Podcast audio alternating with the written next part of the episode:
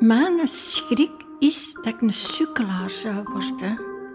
En dan denk ik niet dat ik nog voort wil.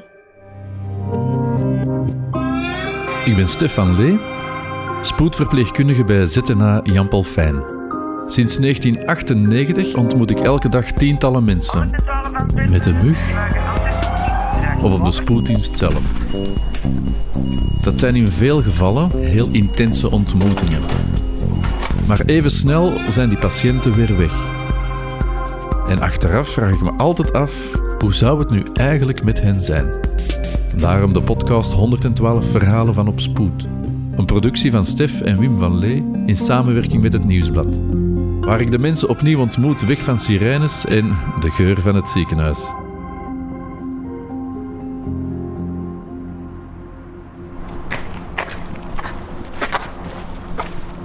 Ik vind dat hier niet, hè. Nochtans, die had dat goed uitgelegd. Ik ga ze bellen.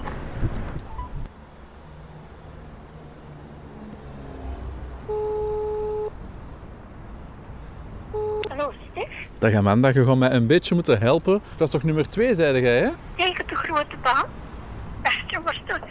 Ah, we moeten misschien doorlopen dan, naast de kerk doorlopen. Naast de kerk, waar staat ik met de auto? Op de parking, links van de kerk. Ah, wel, voilà. Dan zit je zo dicht bij mij. Terug naar de grote baan. Ja, maar dat is niet, hè? Ah ja, en dan heb je nummer 6 en dan doe je om, dan is het bij jou. Oké. Oké, gevonden nummer 2. Ja, Stef? Hey Amanda. Ja. Dank u. Ja. In de podcast Amanda, die we vandaag opnemen, ben ik benieuwd naar hoe het is om een dagje ouder te worden. Een jonge geest die blijft, maar de ouderdom van je lichaam loopt op. En Amanda weet hier alles over. Dag Amanda. Maar je hebt je pik fijn gemaakt. Oké. Dat is Wim, dat is mijn broer. Aangenaam om gauw binnenkomen. Dankjewel. Dat is goed. Zijn blij van u te zien. Ja, het is lang geleden, hè? Ja, het doet ook plezier zijn. Och ja. Ja, wacht, dan heb ik zien. Want ik ben ik niet gewoon van twee mannen die naast hebben. Ja, zeg, waarom je niet ervan? Ik ben zelfs gewoon van helemaal niet. Waarom nu er twee? En dan nog twee broers. Dag Amanda. Eh, bedankt dat ik bij je op bezoek mocht komen. De eerste keer dat we elkaar zagen, ja, was je op bezoek bij mij, eh, op spoed. Ja, ik ben eh, op spoed beland. Mijn dochter heeft me gebracht. Ik was kortademig. Dat was zo'n beetje, alleen zo mijn borst. Een druk een beetje op mijn borst. En me over het algemeen niet goed voelen. Zo. En dan had de verpleegster de raad gegeven... Als uw mama tegen ons nadien niet goed is, ze naar de spoed.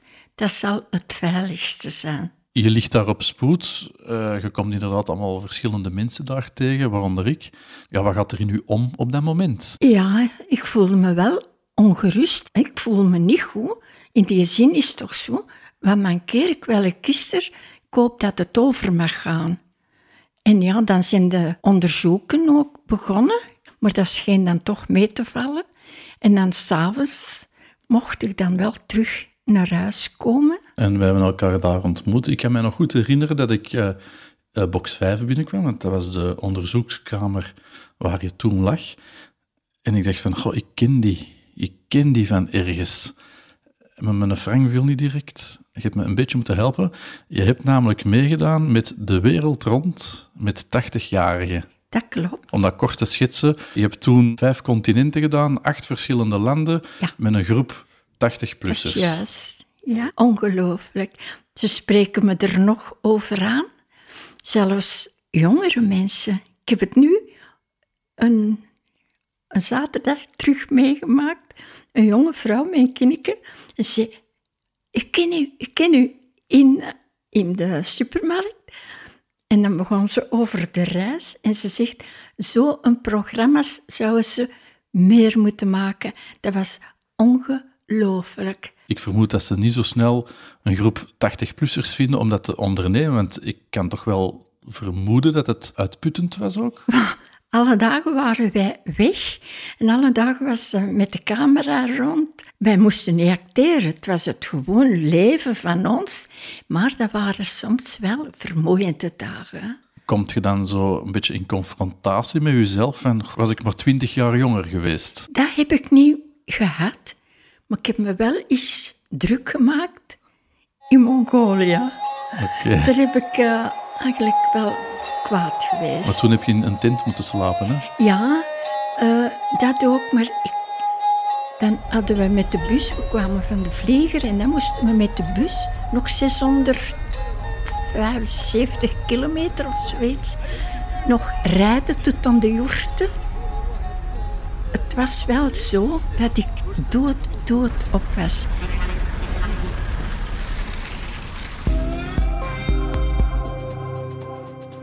Je wordt verzorgd door, eh, door ons, door de artsen, de verpleegkundigen. Hoe voelt het dan om als 87-jarige behandeld te worden op spoed? Want het gebeurt wel eens dat mensen van die leeftijd wat betutteld worden.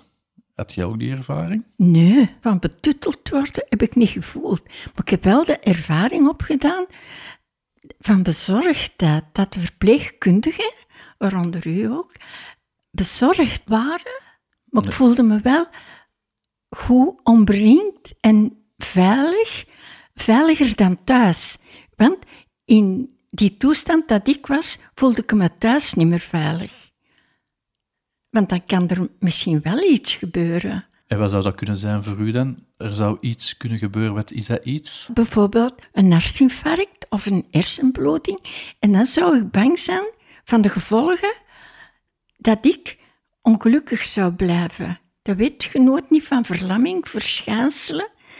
Daar ben ik heel, heel bang voor. Want ik wil maar altijd mobiel blijven. Alleen fit en in beweging blijven. En dat is, dat is eigenlijk wel mijn grote schrik van het achteruitgaan en het ongelukkig worden. Echt waar, dat is mijn schrik. Ik wil ook geen last zijn voor andere mensen of voor mijn twee dochters. Oh nee, absoluut, absoluut niet. Dat is mijn schrik eigenlijk. Dat ik wil blijven gelijk dat ik ben, maar niet van die gevallen tegenkomen van kortademigheid, want dan word ik wel bang.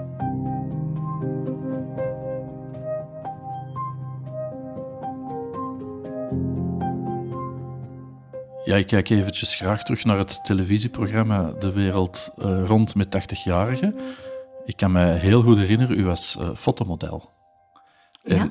Mensen luisteren, ze, ze kunnen helaas niet meekijken, maar u ziet er vandaag nog altijd even fantastisch uit, vind ik. Dat is lief. Hoe is dat eigenlijk om ouder te worden? Ja, ik heb er wel zo'n beetje een uitleg voor. Als dat ouderdomsproces begint, of het ouder worden.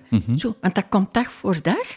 En wel, ik heb dat er moeilijk mee gehad. Ouder worden, niet dat ik sukkelachtig was of iets, dat niet, maar wel het ouder worden. Alhoewel dat ik achteraf gezien, allee, geen last van had van, oh maar die wordt oud, oh mij, die ziet er nogal uit en zo. Dan niet, maar ik had het er wel moeilijk mee. Ik ga dat gewoon eerlijk zeggen, hè, van bij een groep te zijn met oude mensen. Daar had ik het moeilijk mee.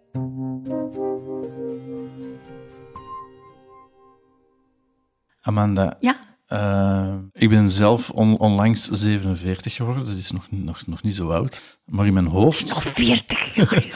Maar in mijn hoofd blijf ik zo ergens hangen tussen mijn 23 en mijn 28 jaar. Als je 87 jaar bent, is dat ook nog zo? Blijf je zo ergens hangen op een bepaald moment? Ik denk voor mij persoonlijk, gelijk ik nu ben, dat ik niet mag klagen. Dat ik andere mensen soms zie op straat of gelijk waar, of dat ik ga turnen, wat dat ik zie in die groep, die komen turnen, maar die kunnen zo.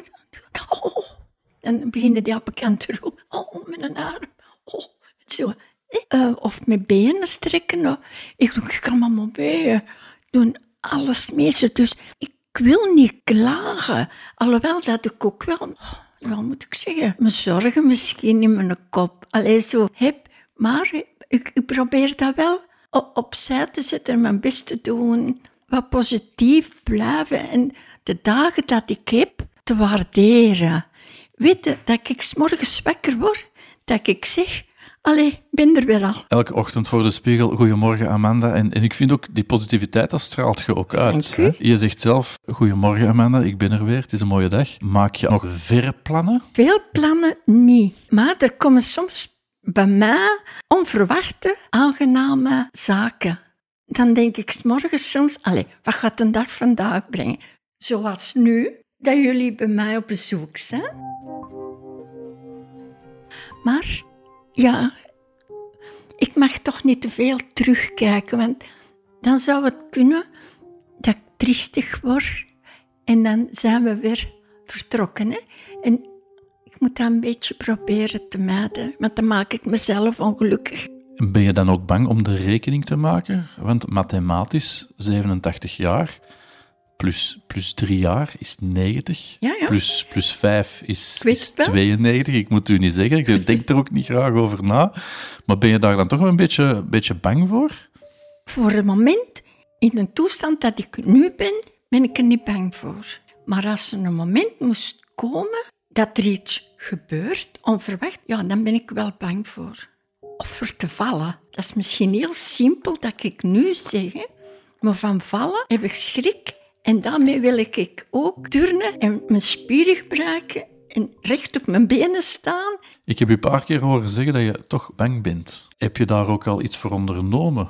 Bijvoorbeeld, eh, heb je met je huisarts gepraat over, over sterven, bijvoorbeeld? Of over hoe moet het eruit zien mijn laatste dagen?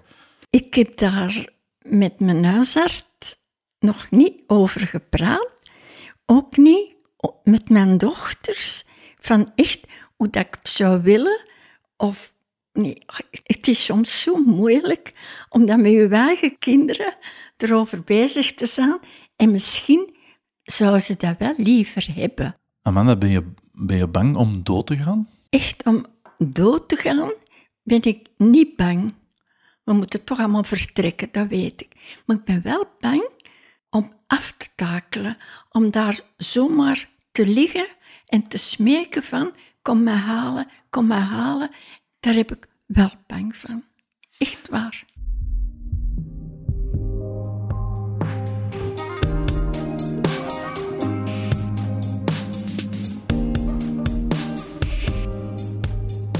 Wanneer mensen in de herfst van hun leven zijn, hebben ze het niet altijd graag over hoe hun einde er moet uitzien. In praktijk merken we dat er te weinig wordt over gepraat en meer nog, er worden te weinig beslissingen genomen.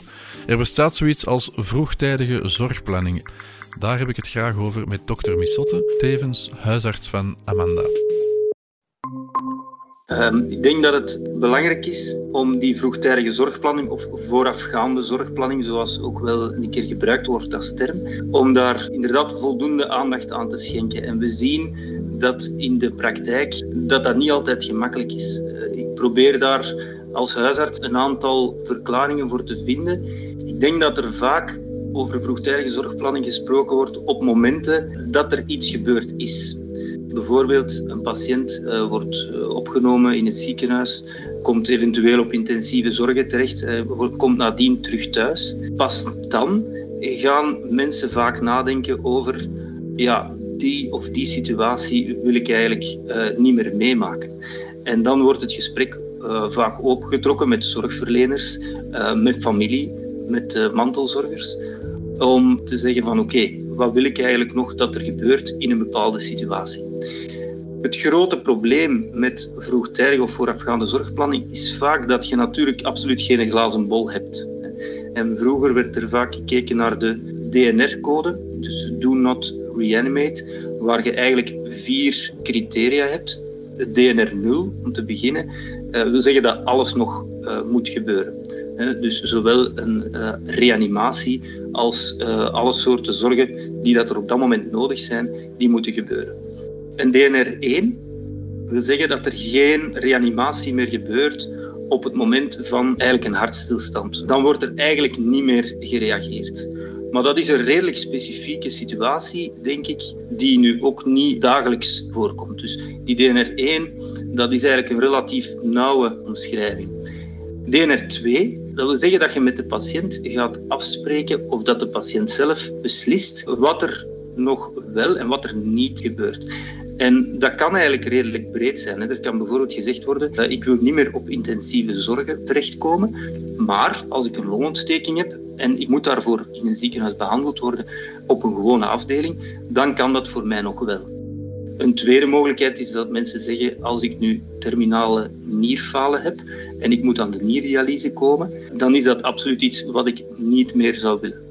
En zo zijn er nog een aantal dingen, eh, gaande van kunstmatige vochttoediening als radio- of chemotherapie, die dan eigenlijk niet meer gewenst zijn. En een DNR3 is dan eigenlijk dat er gewoon enkele comfortzorgen worden toegediend. En dat is meestal in een palliatieve, maar vooral ook terminale fase van een leven waarbij dat, ja, mensen weten dat het einde nadert en nabij is en waarbij dat er gewoon gefocust wordt op comfortabel zijn, pijnbestrijding en symptoombestrijding.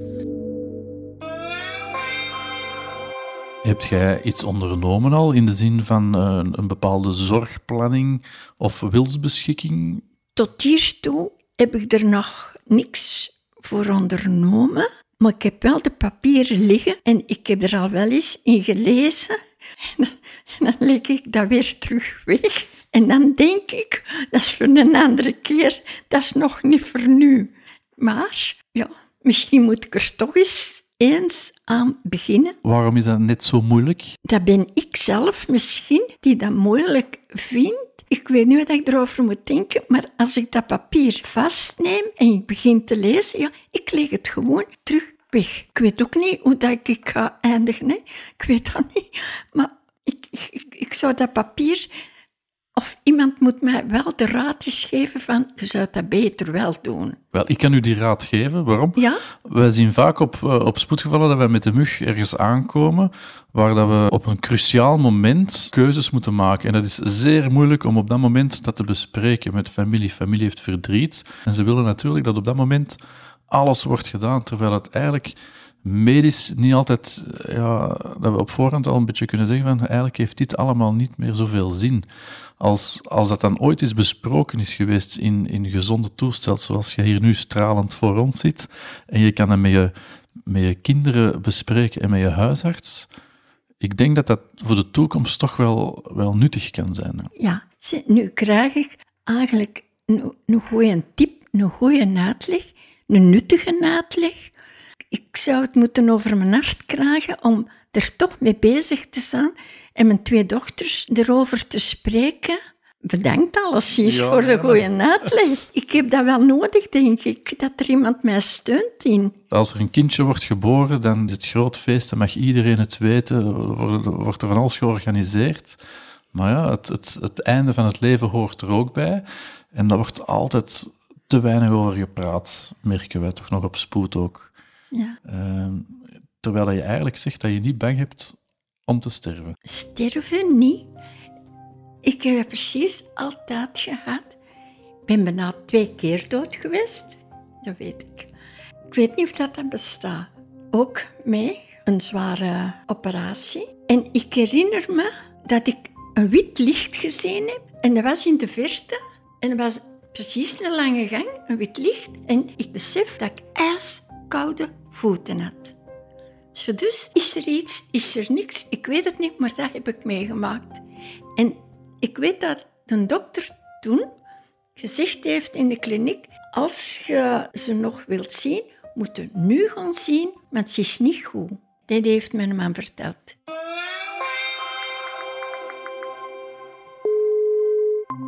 Samengevat denk ik dat vroegtijdige zorgplanning eigenlijk complex is. Hè. Er komen heel veel zaken bij elkaar. Hè. Er komen ook heel veel essentiële zaken natuurlijk aan bod waar, waar je tijd voor nodig hebt, waar de mensen zelf natuurlijk tijd voor moeten hebben om dat voor zichzelf te bedenken in overleg met hun familie, met hun zorgverleners. En je in de praktijk vaak ziet dat het pas bespreekbaar wordt op een moment eh, dat er al een keer iets gebeurt eindigheid van het leven zit nog steeds in een bepaalde taboesfeer. Ik denk dat dat inderdaad iets is dat we zeker nog altijd merken en misschien zelfs meer en meer merken. Uh, zeker ten opzichte van een aantal tientallen jaren geleden. De redenen daarvoor zullen wel uh, divers zijn, maar ik denk dat het een en ander te maken heeft met de manier waarop enerzijds uh, belang van bepaalde religies en dan natuurlijk in onze uh, contra in uh, het christelijk uh, geloof, dat dat natuurlijk toch ook wel een serieuze knauw heeft gekregen, waar dat vroeger een platform, om een slecht woord te gebruiken, was om die zaken toch bespreekbaar te maken. En anderzijds ons maatschappelijk bestel, waar we zien dat er toch een aantal verschuivingen gebeuren. Ik ga hier de grote woorden misschien wel wat schuwen, maar hè, je hebt de individualisering en de verstedelijking en de zaken die daarmee gepaard gaan, die denk ik ook wel een invloed daar hebben. Anderzijds, uh, en er zijn mensen uh, zoals Manu Kersen bijvoorbeeld, een psycholoog die gekend is vooral omwille van uh, zijn rouwverwerking, die daarover schrijven en die zeggen, ja, vroeger werd de dood bij het leven genomen. Het was er, het zal er altijd zijn. En het werd niet als iets abnormaal beschouwd. Dat gaat zover als dat mensen bijvoorbeeld die in de straat woonden bij iemand die overleden was, dat die daar gewoon gingen groeten. Heel de straat kwam langs, kwam afscheid nemen van die persoon, kwam afscheid nemen van de familie. En dat zijn zaken die we minder zien. Het bestaat nog. Ik denk dat je zeker in bepaalde uitgestrektere gebieden het nog wel eens af en toe ziet, maar het is toch echt wel uh, eerder uitzonderlijk geworden. En ik denk dat het toch belangrijk is om dat wel voldoende te doen, omdat dat natuurlijk ook, zeker voor een jongere generatie, het er niet makkelijker op maakt, denk ik, om met die dood om te gaan. Als je ermee geconfronteerd wordt en je voelt dat het inderdaad bij het leven hoort, dan denk ik dat dat iets is waar we als maatschappij voldoende aandacht aan moeten besteden. Hè. We gaan het niet kunnen blijven wegduwen, het zal er altijd blijven. Dus die boodschap is denk ik uh, wel belangrijk. Amanda, wat is het geheim om 87 te worden zoals jij vandaag 87 ja. bent? Ik denk niet dat er eigenlijk een, allez, een geheim voor bestaat. Volgens mij zit het in mijn karakter. En ik heb een voorbeeld, denk aan mijn vader. Mijn vader is gestorven op zijn verjaardag. Hij was juist 95 jaar geworden. En dat was een actieve mens, een lieve mens. Dat is echt, echt waar. Dat was een schat. Daar trek ik me eigenlijk op, een bompa. En dat was ook een fiere mens. Hij was graag schoon. Ik had daar goede contacten mee. Dat was een hele lieve, een goede mens. En daarmee, het zal ook in de genen zitten. Want ik doe daar denk ik niks speciaal mee, maar ik wil mij verzorgen op die manier dat ik nu bezig ben. Allee, ja, daar kan ik niet aan doen. Dat zit in mij in, ook in het wereldje waar ik in gezeten heb, denk ik. Het modewereldje. Altijd opgekleed zijn. Allee, ik kan me niet voorstellen dat ik daar in de zetel ga hangen zit te zagen. Dat kan ik me niet voorstellen. Nee, dat, ik wil dat niet. In elk hoofdstuk van het leven stel je jezelf voor hoe het er zou moeten uitzien. Uw eerste lief, uw eerste job, uh, mama worden, uw gezin, ook ouder worden. Ben je ook bezig met afscheid nemen van het leven? Nee, probeer er zo weinig mogelijk mee bezig te zijn. Denk ik, want dat is niet goed. Ik veronderstel, als je er heel veel mee bezig bent, dat is niet goed gaan, moeten we toch, wanneer of hoe. Ik weet het niet. Ik weet het niet. Dus 90 plus zit in uw genen?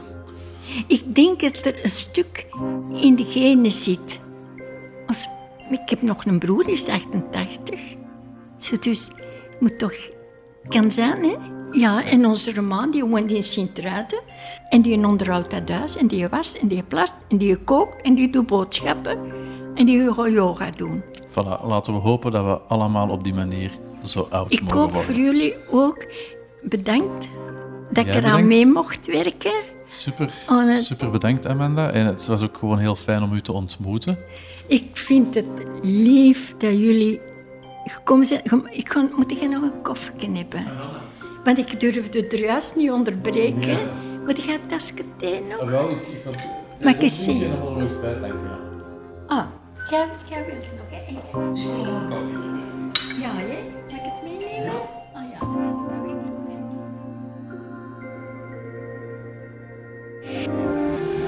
Geïntrigeerd door deze verhalen? Weet dan dat ik ook een boek schreef, 112 verhalen met, over en op spoed. Uitgegeven bij Uitgeverij Vrijdag en nu beschikbaar in de boekhandel. Dit was de podcast 112 verhalen van Op Spoed. Ik bedank Amanda voor het fijne gesprek. Dank ook aan de expert voor de extra inzichten. Muziek en montage gebeurde door mijn broer Wim van Lee. Voor de productie werkten we samen met de podcastredactie van het Nieuwsblad.